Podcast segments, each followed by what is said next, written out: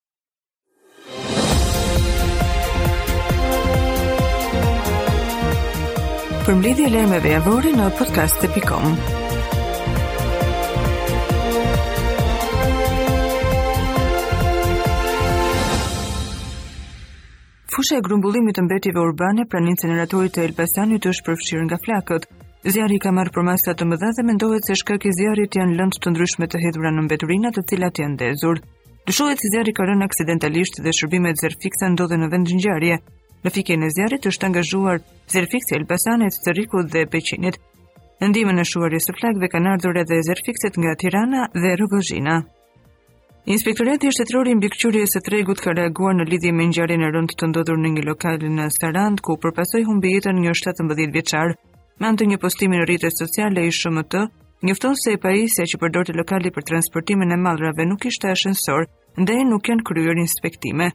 Në lidhje me aksidentin e ndodhur në mbrëmjen e datës 26 gusht 2023 në subjektin Orange në Sarandë, ku një i ri 17 vjeçar humbi jetën, Inspektorati Shtetëror i Mbikëqyrjes së Tregut pasi ka kryer verifikimet në terren, informon se pajisja e përshtatur për transport mallrash nga subjekti e cila ka pësuar defekt nuk është ashensor, Si rrjedhojë, ISHMT nuk ka kryer inspektime apo kontrolle pranë këtij subjekti, bazuar kjo në detyrimin e përputhshmërisë së instalimit të vendosur në shërbim të një personi përgjegjës, pasi nuk është brenda kompetencës ligjore të tij. ISHMT shpreh keqardhjen për aksidentin tragjik dhe i shpreh ngushëllime të sinqerta familjes së të riut, shkruhet në postimin e Inspektoriatit Shtetëror të Mbikëqyrjes së Tregut. Një shqiptar i konsideruar shumë i rrezikshëm është arrestuar në Kolumbi, sipas mediave lokale në Amerikën Latine. Personazhi u identifikua si Besnik Nikoli, por në botën e krimit ai njihej si Niko ose Eldorado. Ai kërkohej në më shumë se 180 vende dhe do të konsiderohet një objektiv me vlerë të lartë nga autoritetet franceze, Europol dhe Interpol. Këto të dhëna janë marrë pas një hetimi nga drejtoria e specializuar kundër trafikut të drogës, e cila në bashkëpunim me policinë ka kryer operacionin Santa Marta. Shqiptari prej tetorit të vitit 2021 kërkohej nga autoritetet franceze nëpërmjet një qarkoreje të kuqe të Interpolit për krimin e trafikut të drogës. I arrestuari do të përfshihej gjithashtu në krime të pastrimit të parave dhe kërkohej në më shumë se 180 vende, shkruajnë mediat kolumbiane. Niko, sipas hetimeve kolumbiane, ka qenë pjesë e strukturave të trafikut të drogës në Francë, Shqipëri, Holandë dhe Gjermani. Me sa duket prania e tij në Kolumbi synonte të krijonte kontakte me rrjete të trafikut të drogës.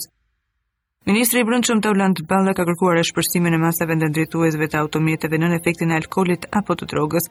Pavarësisht arrestimeve të kryera nga policia ndaj drejtuesve të mjeteve e përdorues të substancave të ndaluara në timon, Për ministrin Balla kjo është e pamjaftueshme për edukimin e tyre që të qarkullojnë konform normave të kodit rrugor në rrugë. Duhen marrë masa më të forta për tejkalim të shpejtësisë në qendrat e banuara apo akse rrugore, theksoi Balla duhen marrë masa më të forta kundër drejtimit të mjeteve nën efektin e alkoolit apo drogës. Policia ka kryer arrestime në flagrancë në drejtim mjeti në gjendje të dehur nën efektin e drogës apo në drejtimin e mjetit pa leje drejtimi. Masa më të forta edhe në tejkalimin e shpejtësisë në qendra të banuara apo akse rrugore, shkruan Balla.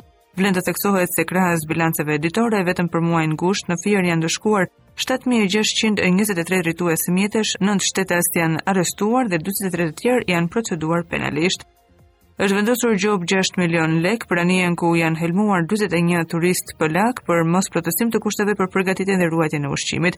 Raportohet se deri në orën 3 të mëngjesit autoritetet kanë qenë duke bërë një ekspertizë tek anija në fjalë, Janë marrë mostra të ushqimit të cilat janë dërguar më pas në Tiranë. Pritet që përgjigja e tyre të zgjasë 3 deri në 4 ditë, pasi do të testohen salmonela dhe të gjitha shkaqet e tjera që mund të sjellin helmim. Drejtoria e Shëndetit Publik nga ana tjetër ka marrë mostra të feçeve të fëmijëve dhe personave në bord, të cilët po i analizon deri në përfundim zyrtar për të përcaktuar shkakun e vërtetë të helmimit të tyre. Ngjarja u regjistrua në Vlorë, ku rreth 41 persona, mes tyre dhe disa fëmijë, u helmuan gjatë një turi me anije në ishullin e Sazanit. Mësohet se të gjithë turistët janë jashtë rrezikut për jetën dhe gjendja e tyre shëndetësore paraqitet e mirë, për këtë arsye janë larguar edhe nga spitali. Mbrëmjen e së enjtes në Shëngjin në hyrje të zonës së Ranës së Hedhur, mbetën të plagosur në këmbë dy persona. Mësohet se të plagosurit Albert Gjina, 28 vjeç banues në Tiranë dhe Gentian Nikolli, 30 vjeç banues në Thuman, ishin nën efektin e alkoolit në lokalin e tre autorëve dhe kanë filluar të krijojnë shqetësime. Ata fillimisht kanë debatuar me vëllezërit Curri dhe më pas kanë dalë jashtë ambienteve të lokalit për t'u konfrontuar fizikisht, gjë që çoi dhe në përdorimin e armës nga një prej vëllezërve. Plumbat kapën pjesën e këmbëve dhe të dy të dëmtuarit u dërguan me urgjencë për ndihmë mjekësore në Spitalin Rajonal të Lezhës, ku dhe ndodhen nën kujdesin e bluzave të bardha jashtë rrezikut për jetën. Dy të rinj italianë, Domenico Grito, 24 vjeç dhe Vincenzo Tiziano, 32 vjeç, humbën jetën pas një aksidenti rrugor, ku ata mësohet se po ktheheshin në shtëpinë e marrë me qira në jug të vendit, pasi kishin festuar ditëlindjen e 32 vjeçarit Tiziano. Motoçikleta me të cilën udhëtonin dy turistët u përplas ballë për ballë me një mjet tip Mercedes, që drejtohej nga një 17 vjeçar nga Saranda i cili drejtonte mjetin pa leje drejtimi. Policia tha se mjetet që udhëtonin në kahe të kundërta, sipas hetimit paraprak të dy ishin jashtë korsive të tyre sepse përplasja ka ndodhur në mes të rrugës, ndërsa dyshohet se motoçikleta ishte me shpejtësi shumë të lartë dhe përtej normave të lejuara. Ndoqët përmbledhjen e lajmeve javore në podcast.com.